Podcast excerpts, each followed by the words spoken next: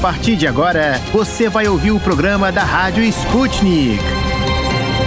Saudações ouvintes, eu sou Pablo Rodrigues e hoje eu estou na companhia de Francine Augusto, que comandará a partir de agora comigo os programas da Rádio Sputnik. Seja bem-vinda, Fran! Obrigada, Pablo. Oi, ouvintes. Será um prazer estar com vocês pelos próximos programas. Aproveito para agradecer a nossa colega Ana Liv Esteves, que conduziu brilhantemente o programa e agora partiu para novos desafios. Exatamente. Muito sucesso, Ana. Agora vamos juntos com muita informação nesta terça-feira, 1 de fevereiro. No nosso giro de notícias, a gente começa destacando a PEC dos combustíveis. Para a surpresa de muitos, ontem o presidente da Câmara dos Deputados, Arthur Lira, afirmou que apenas o óleo diesel será o foco da PEC dos combustíveis. A declaração foi feita logo após uma reunião com o ministro da Economia, o Paulo Guedes. No encontro, eles discutiram a proposta elaborada pelo governo para tentar frear a alta dos preços. Lira confirmou que o projeto permitirá apenas reduzir impostos federais sobre o diesel, a redução de taxas no álcool e a gasolina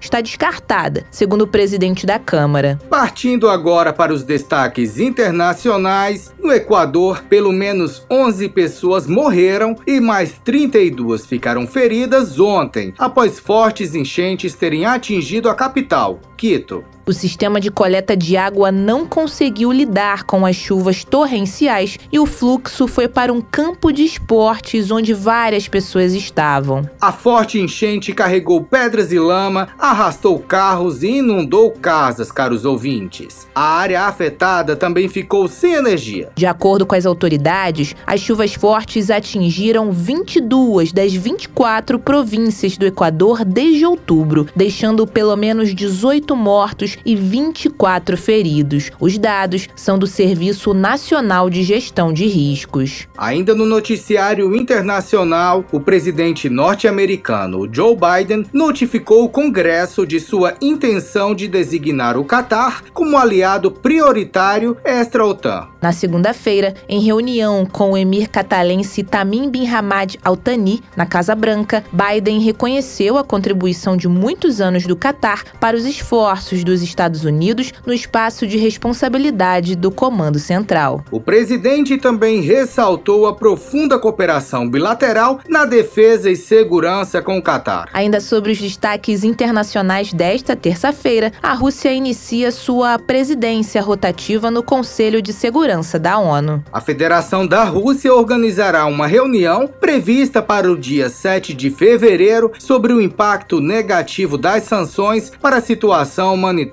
A delegação russa destacou também que realizará outro encontro sobre a cooperação entre a Organização do Tratado de Segurança Coletiva e as Nações Unidas. Vamos agora ver o que mais a gente preparou para vocês no programa de hoje. E no programa de hoje. No Destrinchando a Charada Brasil de hoje, vamos falar sobre o projeto que tenta regulamentar os jogos de azar no país.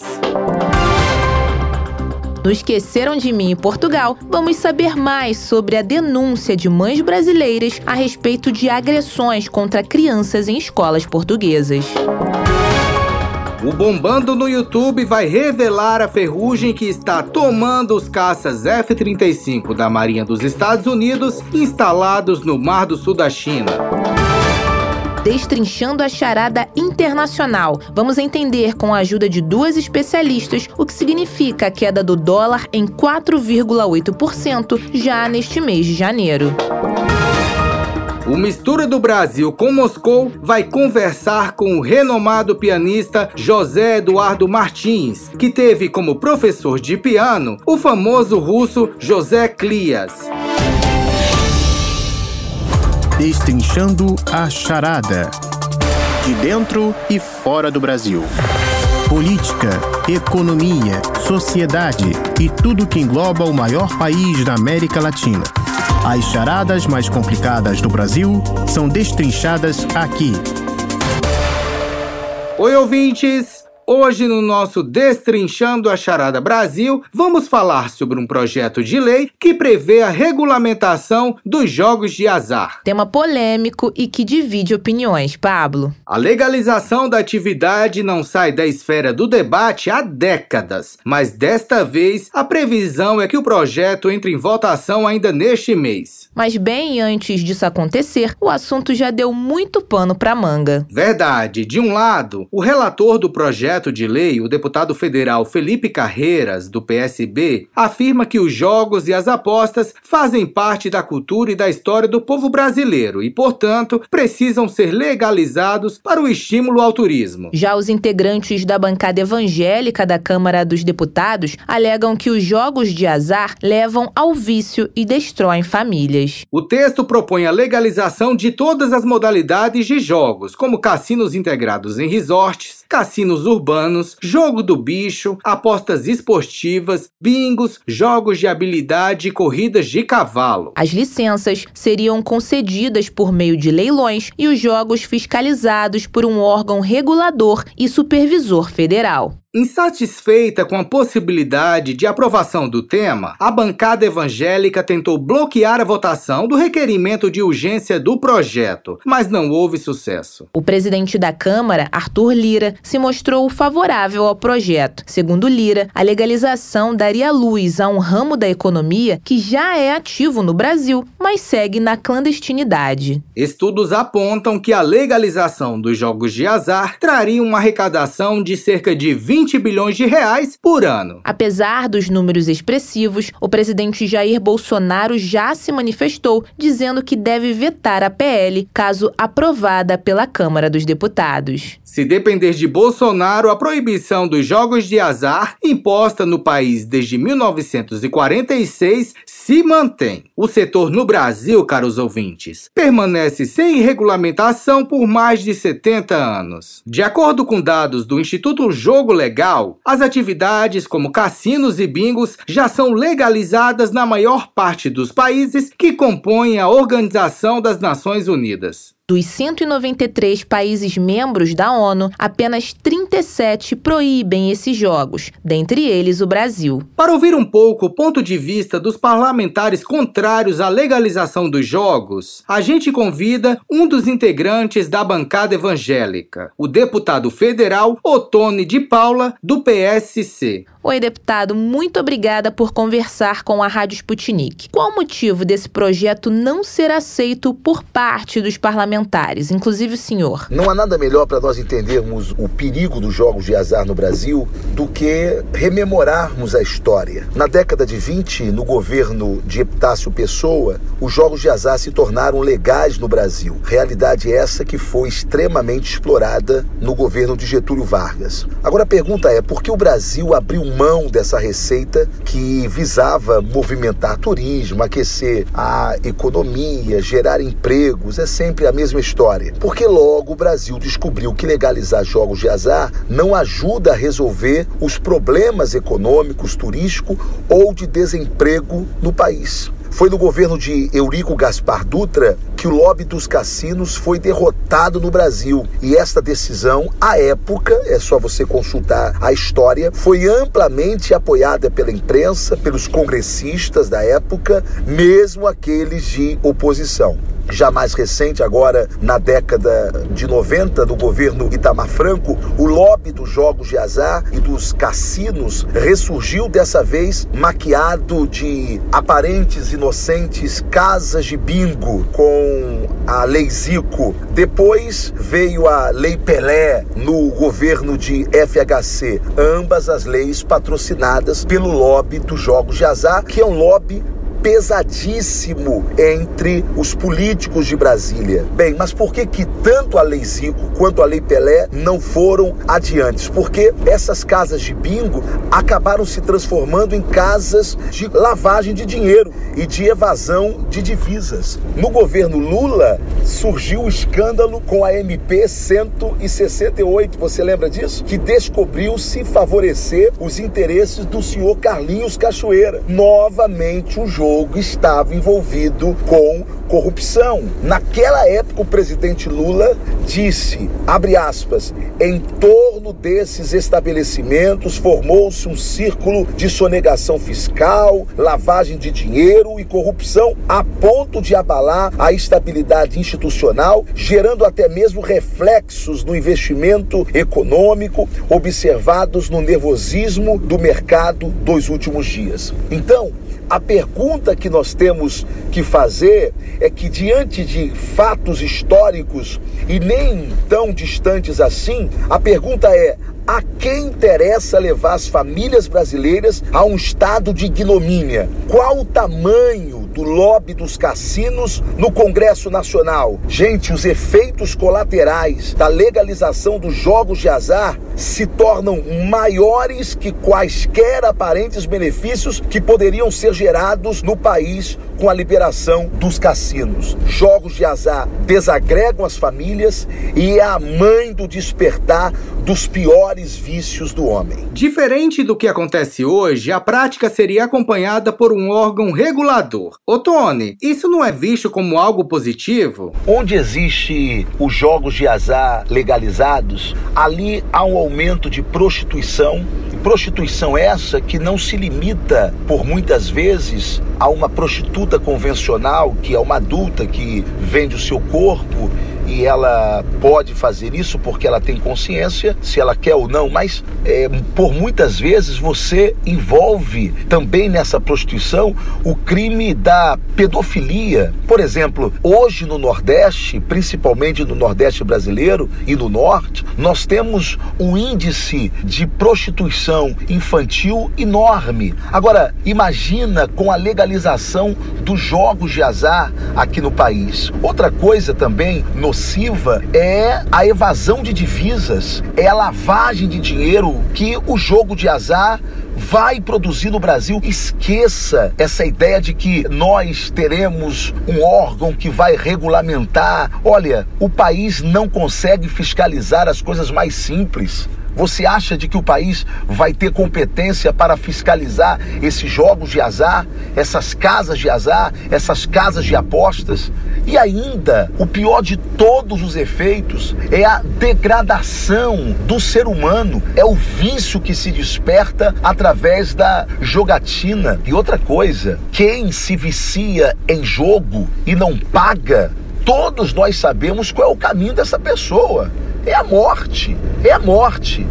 Ninguém ouse dever a uma casa de aposta, ninguém ouse dever a uma banca de jogo. Aí eu lhe pergunto, por que se legalizou o mal? O mal deixará agora de ser mal? Pergunte às famílias que foram destruídas porque o chefe da família, porque aquele ou aquela que tinha a responsabilidade de sustentar o lar, começou a se viciar em jogos de azar. Minha gente, nós não podemos pensar só em possíveis divisas, dinheiro que o jogo de azar poderá trazer, porque os efeitos colaterais serão bem piores para a nação brasileira do que qualquer benefício que o jogo de azar venha produzir. Ô Tony, a arrecadação de bilhões e a geração de milhares de empregos foram levadas em consideração pelos grupos contrários? Ok, o Brasil deixa de arrecadar 15 bilhões anuais, esse é o número que andam dizendo porque não se legaliza os jogos de azar. Aí a pergunta é: quanto é que o Brasil deixa de arrecadar por não legalizar as drogas? Quanto é que o Brasil deixa de arrecadar por não legalizar a prostituição? Hum? Quer dizer que, se for esse o nosso pensamento, legalizar tudo para nós arrecadarmos dinheiro, legalizarmos tudo para termos emprego, qual é o limite que nós vamos ter? Hoje são jogos de azar, amanhã são drogas, amanhã é prostituição. E aí? Então nós vamos legalizar tudo aquilo que vai gerar destruição em famílias, em vidas, destruição emocional, destruição moral na vida de brasileiros, porque queremos gerar emprego e porque queremos arrecadar mais dinheiro. É isso?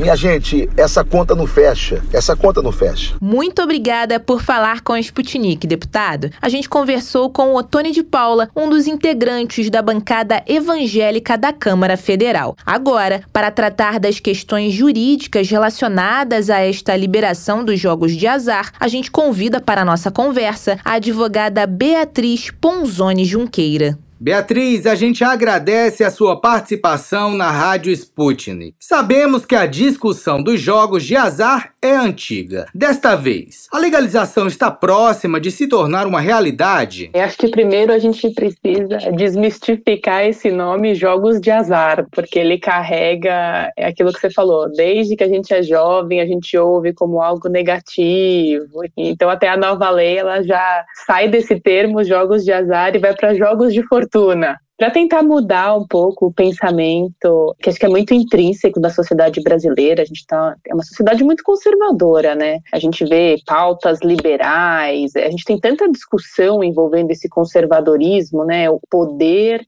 que esses segmentos, é, digamos, religiosos têm no governo brasileiro. E isso leva para um conservadorismo, às vezes, até extremado. E o que a gente está vendo com a pauta de jogos é justamente isso. Quando a gente abre o jornal, é, o embate é bancada evangélica versus regulamentação. Então, acho que a conversa é até muito mais ampla, né? Ela passa sobre uma evolução da sociedade e os benefícios que isso pode trazer para o Brasil. Existe uma demanda reprimida de turismo. É inegável que esses jogos existem, né? A gente vê agora durante a pandemia quantas reportagens, quantos cassinos clandestinos foram fechados. Então você vê até personagens famosos, né? O funkeiro, o jogador de futebol. Isso chama atenção. Essa demanda está lá, ela existe. E é uma demanda que não está contribuindo para os cofres públicos. Isso é uma realidade que não tem como negar. Então, eu acho que o grande embate é: temos uma demanda, isso é uma realidade, os jogos existem. Os outros países já regulamentaram. É um mercado, as cifras é até assustador, é dezenas de bilhões, não é uma coisinha pequena. É, e como a gente pode transformar isso do melhor modo possível para isso se tornar uma realidade, uma realidade legalizada, né? E não só a realidade da clandestinidade. Caso o projeto seja de fato vetado pelo presidente Jair Bolsonaro, ainda há alguma esperança para os favoráveis à regulamentação da atividade? A gente tem é, a lei que regulamentou a aposta fixa para eventos esportivos, para eventos reais esportivos, ela está desde 2018 aguardando modelagem jurídica. Eu sei que assim, é uma coisa que demora e tal, e seria importantíssimo a aprovação desse PL. O que acontece no Brasil é que a influência está sendo menos na Câmara, porque a Câmara, inclusive, conseguiu antecipar a votação, que vai ser fevereiro, isso se não mudar, mas ela está impactando diretamente no presidente, que já declarou que ele vai vetar. Esse veto ele vai poder cair inclusive pelo próprio Congresso, mas a gente tem que fazer uma análise um pouco mais global. É ano de eleição. Bolsonaro, um dos segmentos que ajudou ele a ser eleito foi justamente a bancada evangélica, né, com uma pauta muito mais conservadora, uma pauta de direita. O que tudo indica é que nos bastidores ele é a favor da regulamentação dos jogos de fortuna, tanto que o filho dele, o Flávio Bolsonaro, é uma das pessoas que está sempre aparecendo, fotos em cassinos, que está próximo a esse grupo pró-regulamentação. E tanto assim é um indicativo de que ele é a favor que ele fala: eu vou vetar, mas o Congresso pode derrubar meu veto. É muito difícil num ano de eleição, que a gente está tendo uma eleição disputada com o retorno do Lula, né, o retorno do PT mais forte com o Lula, é muito difícil ele bater de frente por causa de uma regulamentação específica. Teve algumas tentativas é, de negociação no Congresso, uma questão de tributação das igrejas, e por enquanto não foi muito resolvido.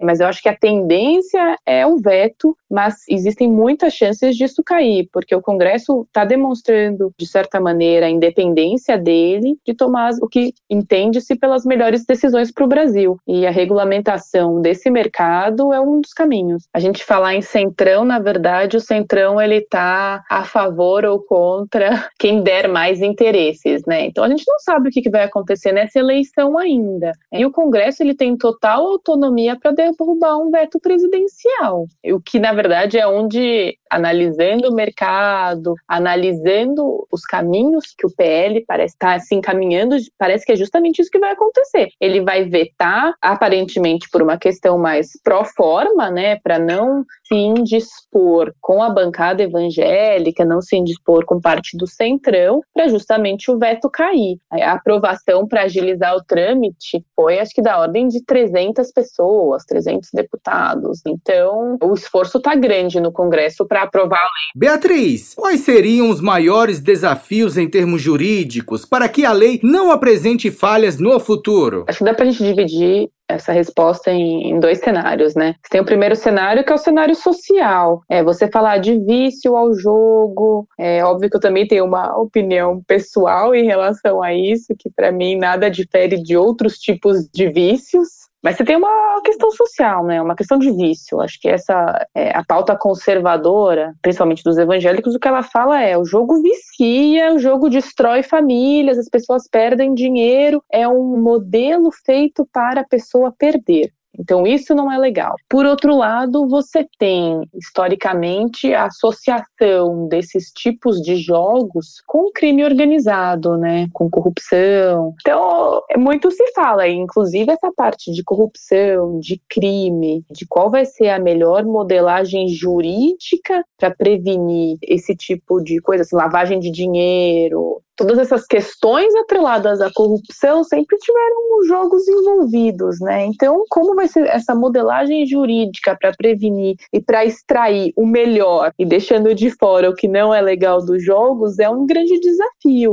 Por isso que, por exemplo, a modelagem jurídica que está sendo conduzida pelo BNDES para a lei de apostas fixas está demorando. É uma dificuldade. Tem que ser uma coisa bem estudada para ser feito do melhor jeito possível, né? E para não vir daqui a um tempo o pessoal falando falei, eu disse que isso não era bom. Então, acho que a intenção por trás está boa. Não é assim, aprovei e agora cada um vai poder ter um cassino em cada bairro. Não. Tanto que, por exemplo, eles limitaram o número de cassinos em relação à população. Então, se não me engano, São Paulo poderia ter até três, Rio de Janeiro até dois. A lei foi até bem pensada. Óbvio que a gente só sabe os defeitos uma vez que ela entra em vigor. O estudo, a regulamentação dela vai ter que ser muito bem feita. Tá me parecendo que as intenções são boas e estão pensando nesses aspectos. Agora, é Brasil, né?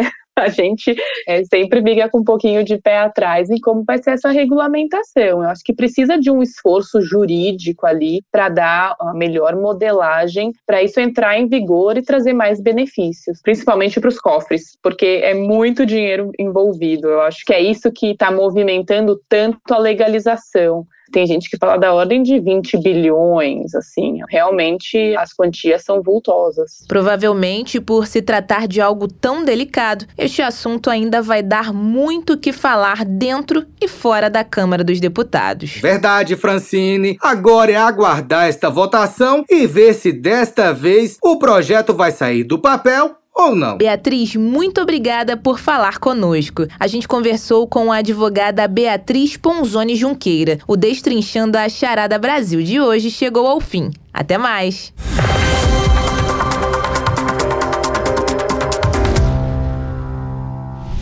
Esqueceram de mim em Portugal.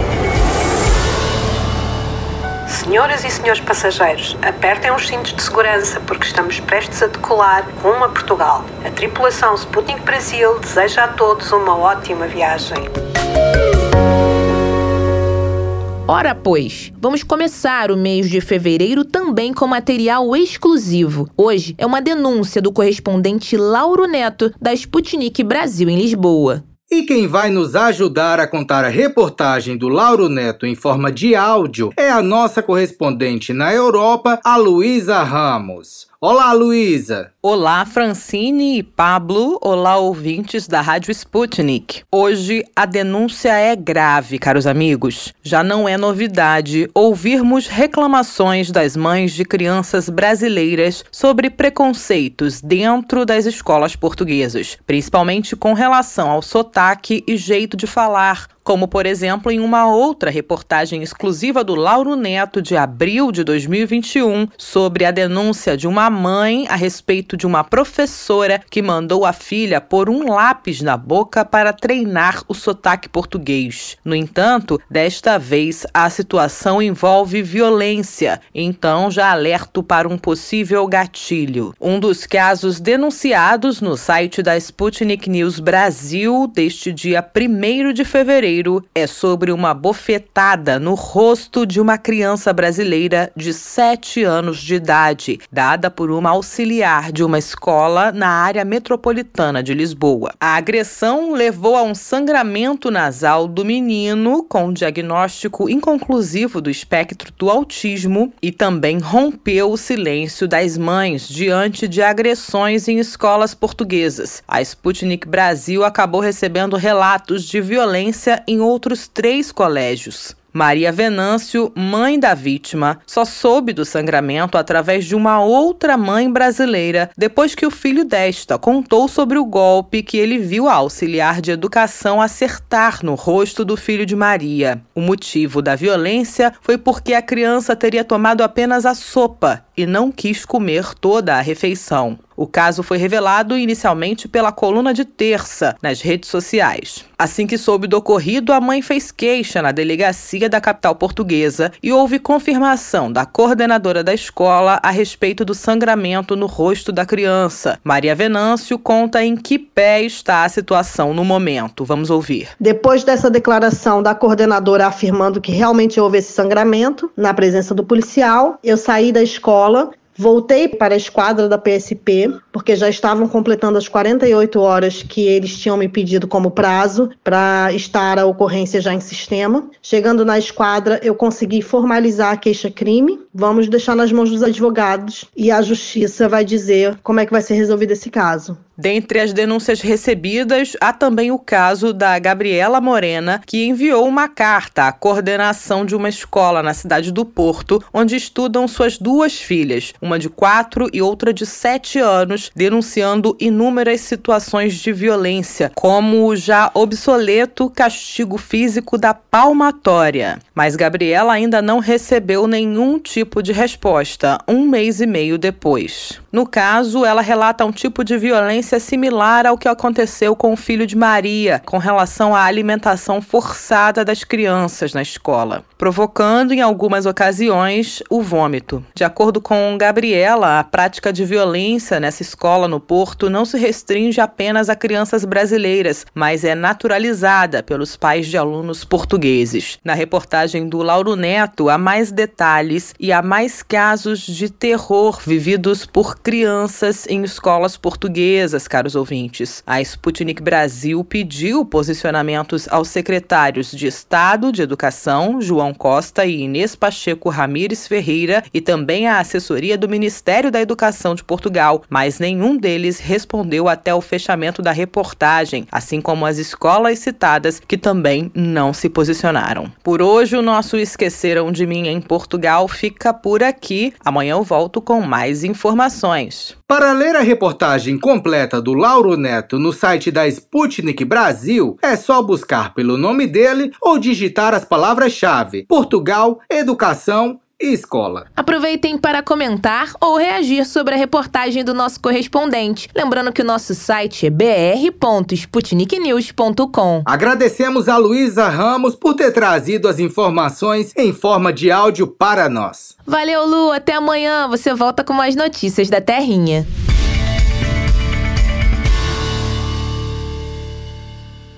Bombando no YouTube curtidas e mais curtidas da Rússia ao Brasil.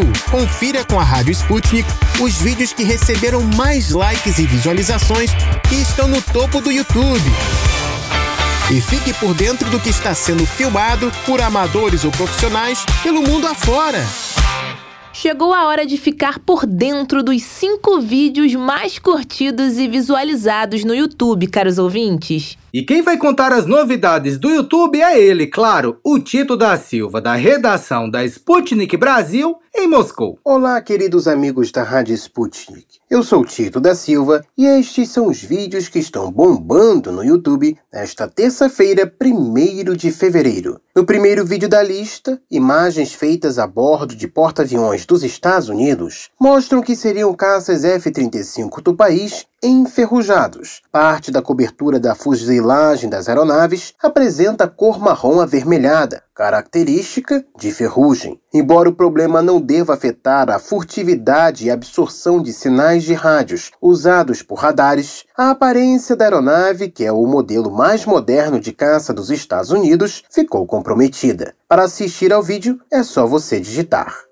Caças F-35 dos Estados Unidos parecem estar enferrujando no mar do sul da China. No segundo vídeo de hoje, a Sputnik Brasil lembrou uma tragédia marcante na história recente da Rússia, a derrota durante a Primeira Guerra da Chechênia, que se estendeu entre 1994 e 1996. A Chechênia, antes mesmo da guerra, já tinha um histórico de rebeliões, em grande parte motivadas por sentimentos religiosos e islâmicos. No passado, a população local, inclusive, sofreu deportações para outros territórios da União Soviética, em particular no governo de Stalin. Com o passar dos anos, a República, que era uma das menos desenvolvidas da União Soviética, continuou recebendo investimentos, inclusive na educação, mas os fortes laços com suas tradições étnicas pareciam contrariar o desenvolvimento planejado pelos soviéticos. A onda de independência que se alastrava pelas repúblicas soviéticas e marcava o fim do país socialista acabou chegando à Chechênia.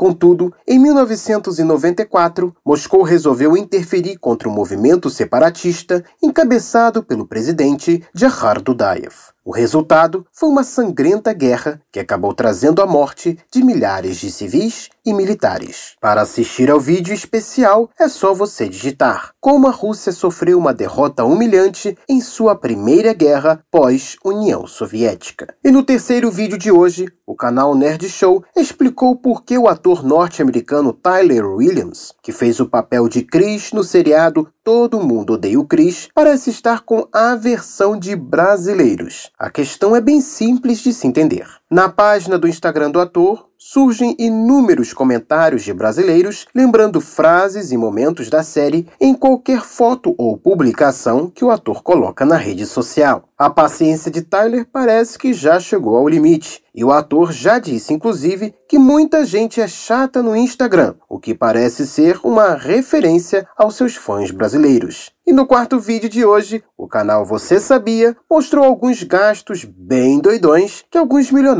já fizeram no mundo. Por exemplo, um sheik dos Emirados Árabes Unidos mandou escrever seu próprio nome em uma ilha que lhe pertencia. Só que o nome foi escrito de forma gigante na paisagem árida, para que este pudesse ser visto bem lá do espaço. Agora, um outro milionário gastou 12 milhões para ter dentro de uma espécie de aquário um tubarão já em fase de decomposição, mostrando seus dentes bem com aquele sorrisinho assustador típico do animal. E no quinto vídeo de hoje, o canal Vila do Chaves explicou com detalhes como o Ramon Valdez, ou melhor, o seu Madruga, saiu da série Os Chaves. Ao que tudo indica, Ramon passou a ter um relacionamento não muito amistoso com a Dona Florinda na vida real. E também problemas financeiros teriam afetado a sua relação com o líder da série, Roberto Bolaños, o Chaves. E por hoje é tudo, pessoal. Até mais.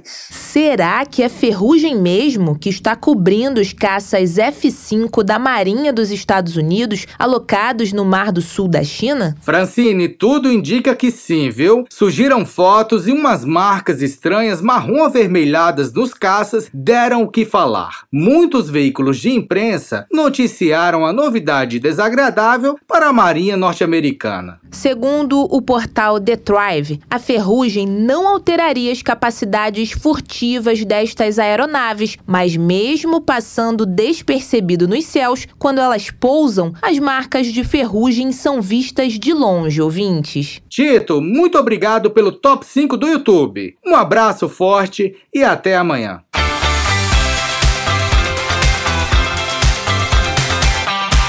Destrinchando a Charada.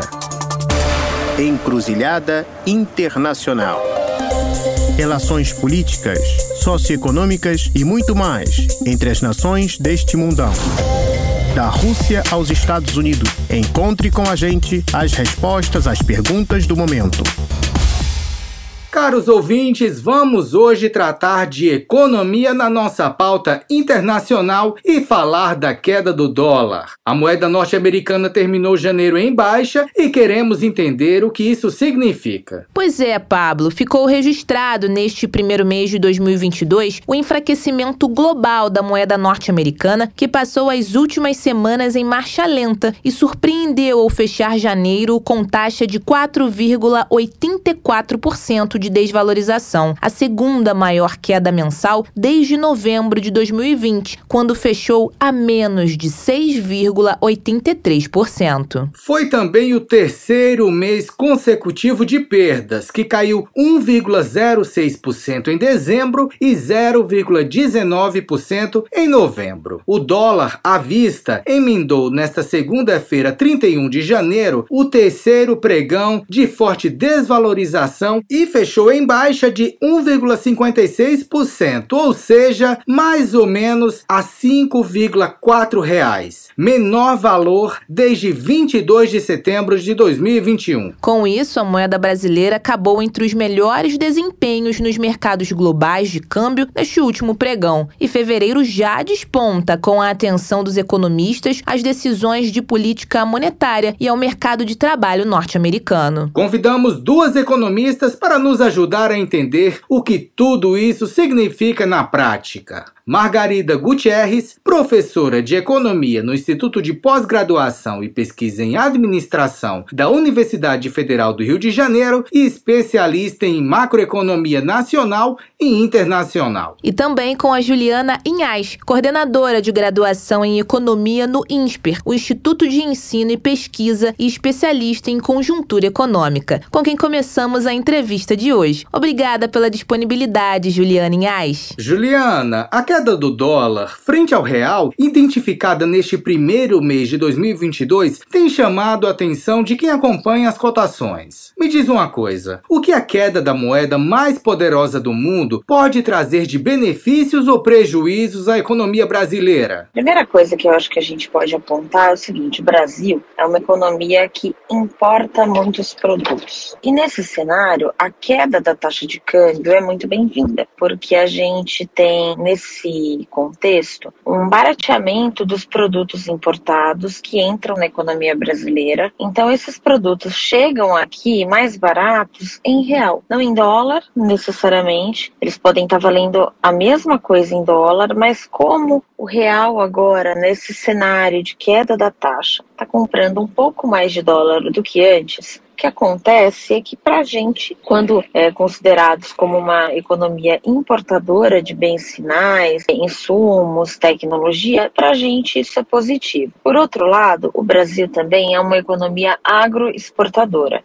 A gente tem muita vantagem na exportação de produtos primários. A soja é o maior exemplo quando a taxa de câmbio cai, a gente também está vendendo para fora produtos que são cotados no mercado internacional em dólar e a gente está recebendo menos por eles. Então, do ponto de vista da economia exportadora, a gente está ganhando menos. O lado comercial da economia acaba sentindo bastante esse efeito. Por um lado, mais barato para a gente, o que vai fazer, é óbvio, com que a inflação de importados caia. Essa era uma grande preocupação da economia brasileira já tem um tempo. Então, a gente tem importados mais baratos, a inflação desses importados cai. Por outro lado, a gente recebe menos pelas nossas exportações. É um sinal aí aparente da aposta dos investidores dentro da economia brasileira e nesse aspecto a entrada de dólares ela é positiva. E Juliana, essa variação do câmbio do dólar frente ao real pode interferir na inflação e nos juros nos Estados Unidos? Essa queda da taxa de câmbio aqui no Brasil, ela simboliza uma desvalorização da moeda americana frente à moeda brasileira. Essa desvalorização, é importante pontuar, que já acontece há um tempo. A economia americana tem passado por um movimento de desvalorização da sua moeda, muito por conta das políticas que foram feitas, tanto no combate à pandemia, com expansões monetárias, quanto políticas econômicas no geral, que já vinham sendo feitas antes para conseguir aquecer um pouco a economia americana o Brasil ainda não tinha sentido os efeitos dessa desvalorização da moeda americana, porque a moeda brasileira estava desvalorizando muito mais do que a moeda americana. A gente estava num cenário onde o risco era muito grande, continua inclusive, risco fiscal, risco político, para a economia americana em específico. Qual é a consequência disso? Essa desvalorização, ela começa a fazer com que o dólar valha muito menos. Então, o que vai acontecer é que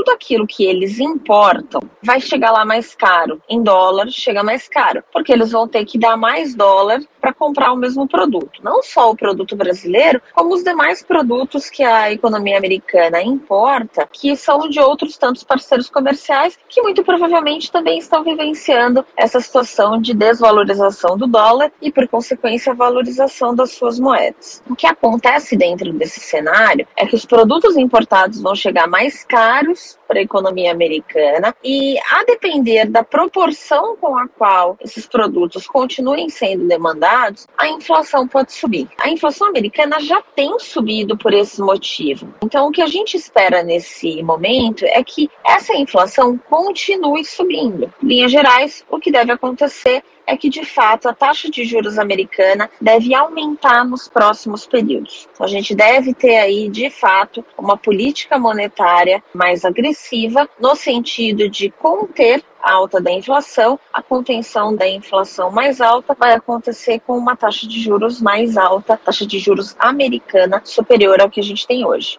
Países emergentes em geral, Juliana, podem se beneficiar de que maneira quando o dólar é cotado a valores mais baixos? O Brasil, assim como os demais países emergentes, são, no geral, economias que dependem muito de importações, especialmente produtos finalizados ou então de matérias-primas e tecnologia. Então, num primeiro momento, esses países podem se beneficiar dessa taxa de câmbio mais amigável o primeiro efeito direto dessa taxa de câmbio mais baixa é, de fato, ter uma importação mais barata. No entanto, a gente tem que tomar cuidado com a euforia que isso poderia causar. Então, a gente olha muito esse impacto e essa entrada de capitais no curto prazo, mas a gente precisa lembrar que a economia americana vai tentar, de alguma forma, revidar. O revidar aqui não é no sentido agressivo da palavra, mas a economia americana ela vai entender e vai perceber muito facilmente esse movimento, e ao perceber esse movimento, ela vai tentar contorná-lo. É através de uma política monetária um tanto mais restritiva, no sentido de que ela consiga ter taxas de juros mais elevadas que evitem essa saída do capital. Só que essa taxa de juros mais elevada, ela cria um efeito negativo sobre as economias emergentes. A gente pode começar a vivenciar um momento onde sai dinheiro daqui porque as taxas americanas estão mais atrativas e esses investidores preferem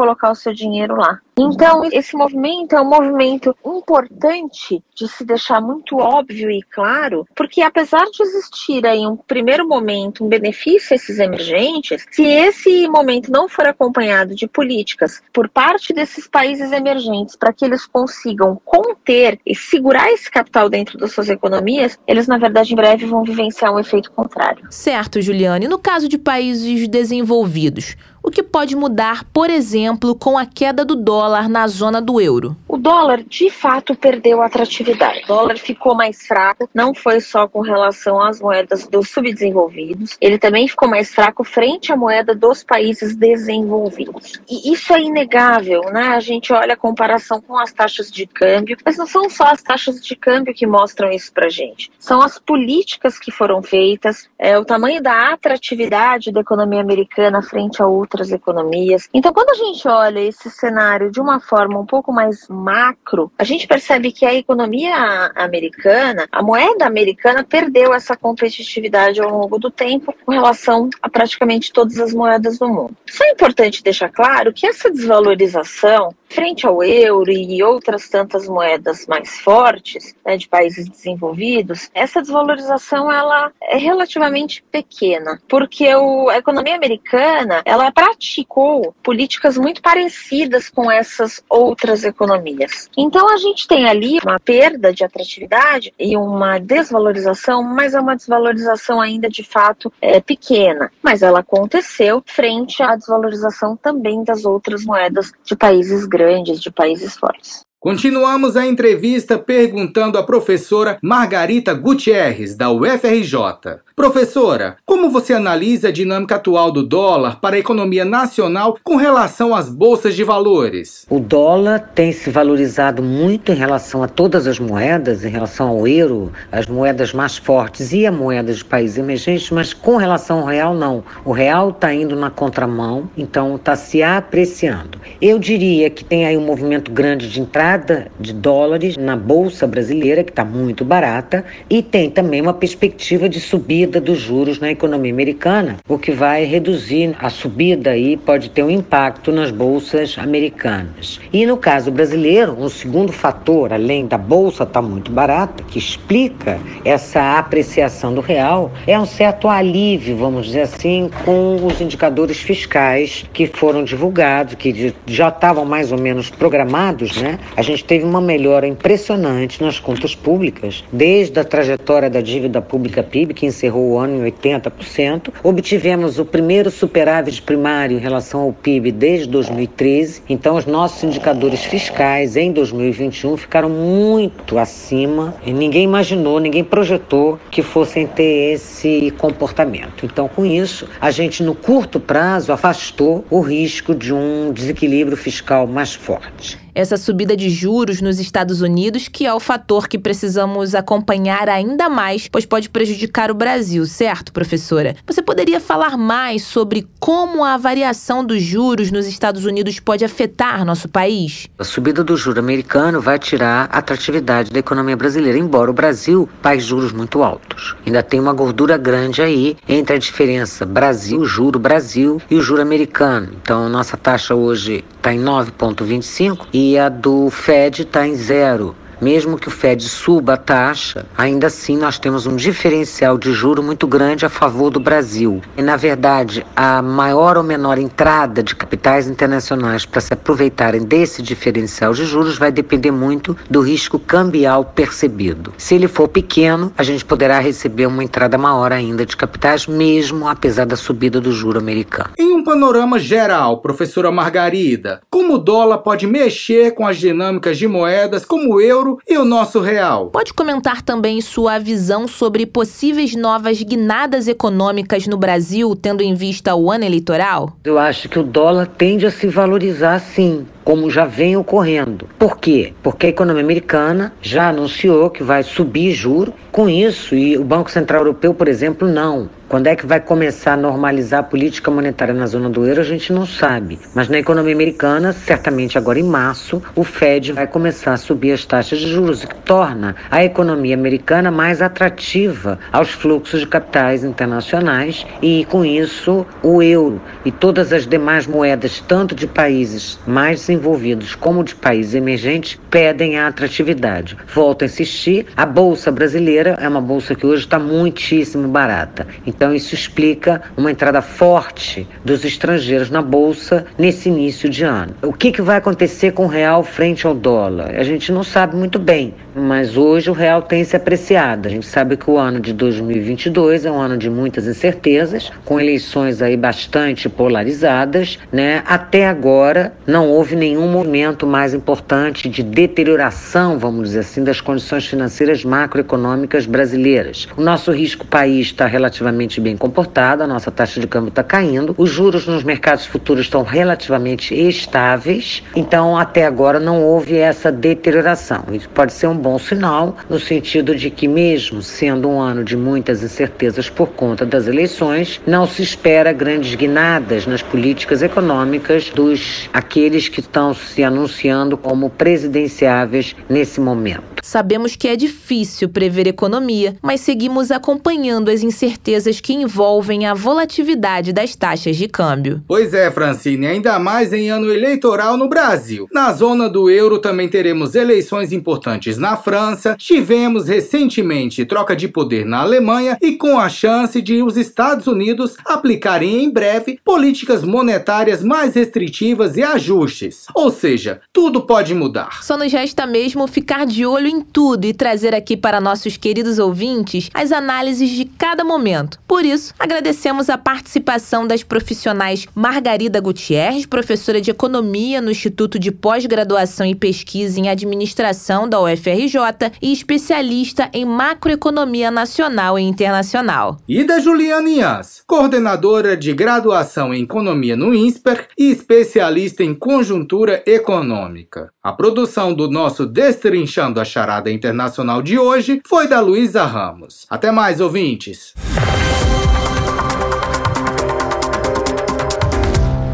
Mistura do Brasil com Moscou. A mistura agora é com a Rússia e a coreografia já está pronta.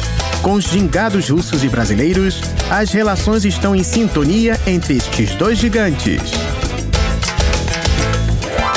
O Mistura do Brasil com Moscou tem o prazer de conversar com o renomado pianista José Eduardo Martins, que foi aluno de um dos professores de piano mais importantes do Brasil, o russo José Clias. A lista de execuções de José Eduardo Martins é longa, caros ouvintes. Este pianista paulistano já apresentou em primeira audição absoluta mais de 120 composições contemporâneas de autores de diversos países. E a Rússia não poderia ficar de fora, não é mesmo, ouvintes? Em 1963, José Eduardo Martins estreou no Brasil a Grande Sonata em Sol Maior e as estações do grande compositor russo Tchaikovsky. Mas o destino de José Eduardo se viu entrelaçado com a Rússia muito antes, pois o seu primeiro professor de piano foi o russo naturalizado brasileiro José Clias, que por muitos é tido como o melhor professor de piano do Brasil, se considerar da lista de seus alunos que tiveram brilhantes carreiras. De origem judaica, José Clias estudou na Rússia e depois na Alemanha, em Berlim, com o extraordinário professor Martin Krause, que foi discípulo e secretário particular de Franz Liszt. Após Berlim, estudou um curto período em Paris antes de radicar-se definitivamente no Brasil, após a Primeira Guerra Mundial. Clias se apresentou inúmeras vezes como pianista no Brasil, mas acabou decidindo se dedicar à didática. José Eduardo, é um prazer imenso contar com a sua participação na Rádio Sputnik. O senhor poderia contar um pouco sobre o seu professor de piano, José Clias? Professor russo José Clias foi um professor extraordinário. Ele veio para o Brasil nas primeiras décadas do século XX e formou a mais importante escola pianística brasileira. Ele foi o mais importante professor de piano no Brasil. Eu não digo isso pelo fato de ter sido seu aluno, mas por realidade. Ele foi professor de extraordinários pianistas como Yara Bernetti, pianista consagrada, já falecida, que esteve muito tempo ligada à Universidade de Hamburgo e se apresentou pelo mundo inteiro. Gravou pelo selo Deutsche Grammophon todos os prelúdios de Rachmaninoff. Gravação fantástica, fabulosa. Uma grande pianista. Foi professor de Bernardo Segal, outro grande pianista brasileiro, que futuramente iria morar nos Estados Unidos e, inclusive, não só era um grande pianista, como também compunha para filmes. E teve outros, Isabel Mourão, Anne Stella Chic. Anne Stella Chic teve muito ligada à música russa. Ela, inclusive, tocou em Moscou o concerto de Kabalevsky, regido pelo próprio Kabalevsky, também aluna do José Clias. E meu irmão João Carlos e eu estudamos com ele. O João Carlos ele teve que abandonar o piano por processos, problemas eh, de físicos nos seus braços, mas anteriormente ele gravou para uns, para o selo Conhecer na, nos Estados Unidos e possivelmente e posteriormente Labor, gravou a integral de Johann Sebastian Bach, gravou a obra toda para teclado. É o único que gravou completamente. E eu com ele gravei em Sófia os dois concertos para dois pianos, que eram dois cravos, dois pianos. Gravamos em Sófia com a orquestra de câmara de Sófia, dirigida por Plamen de Jurov, se não me engano. Grandes pianistas brasileiros, caros ouvintes. José Eduardo, o professor Clias era rígido com seus alunos? Não, ele foi um professor amigo. Ele jamais, numa dificuldade do aluno em relação a determinadas passagens, jamais o vi irritado. Ele simplesmente parava pausadamente, conversava, fomos retomar e o aluno encontrava a solução.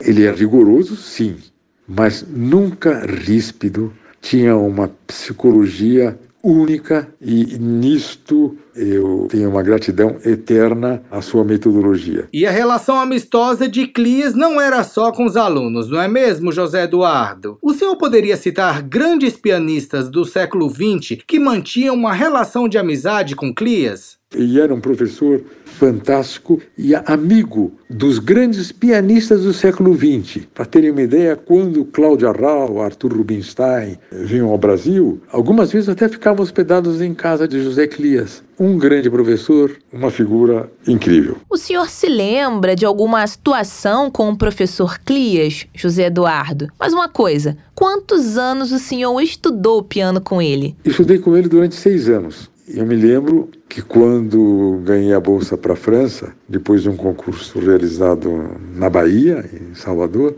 Quilias, ele simplesmente, eu me lembro que ele foi até o aeroporto, me abraçou carinhosamente e disse-me palavras que essas palavras nunca me esqueci. Ele falou: "Você resultará".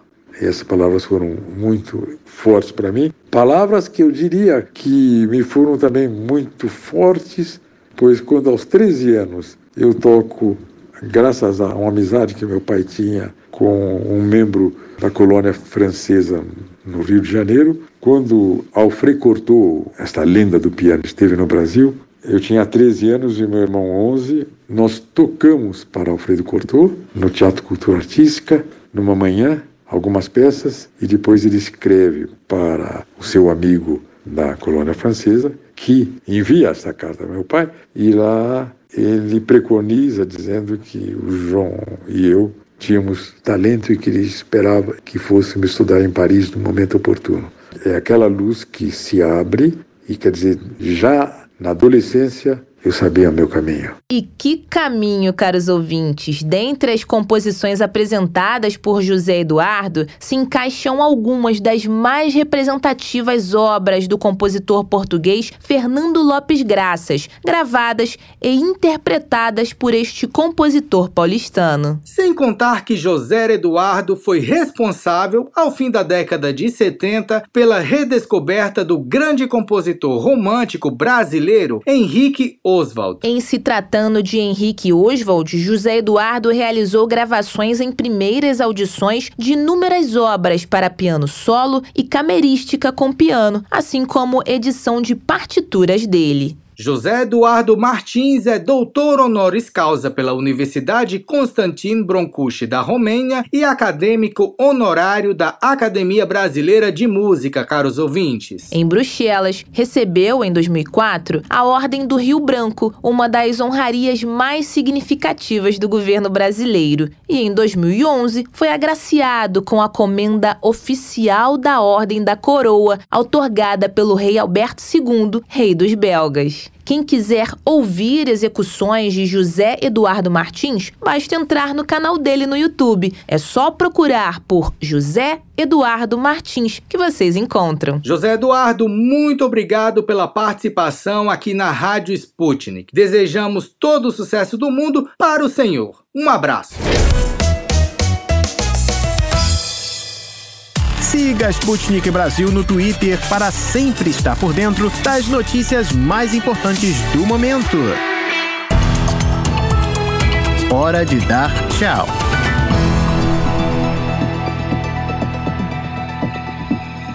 O programa desta terça-feira, 1 de fevereiro, está chegando ao fim, caros ouvintes. Gostaria mais uma vez de dar as boas-vindas a Francine Augusto, que comigo comandará a programação da Rádio Sputnik daquele jeitinho que vocês gostam, ligando o Brasil com a Rússia e com o resto do planeta. Tem razão, Pablo. Sabiam, ouvintes, que eu já estou toda animada para passar uma horinha diária aqui com vocês? Eu do Rio de Janeiro, Pablo de Moscou e vocês espalhados pelo mundo. Não deixem de dar uma passadinha no site da Sputnik Brasil, br.sputniknews.com, para conferir as notícias do momento. E no canal da Sputnik Brasil no YouTube, onde nós publicamos vídeos sobre temas tanto nacionais como internacionais. E eu tenho mais uma recomendação para vocês, ouvintes. O canal do Zenon Instituto Cultural no YouTube está repleto de música rara brasileira. Por exemplo, na semana passada anunciamos a obra Conte Serenata do compositor baiano Paulo Costa Lima e tocamos um trecho dela. Caros ouvintes, esperamos todos vocês amanhã neste mesmo horário e neste mesmo local. Um abraço forte. O programa da Rádio Sputnik teve apresentação, produção e edição de texto de Francine Augusto e Paulo Pablo Rodrigues. Produção de conteúdo e edição de texto de Luísa Ramos e Tito da Silva. A edição e a montagem do programa são de Wellington Vieira e David Costa. A produção geral no Rio de Janeiro é de Everton Maia. E o editor-chefe da redação da Sputnik Brasil no Rio de Janeiro é o Renan Lúcio. E em Moscou, Konstantin Kuznetsov.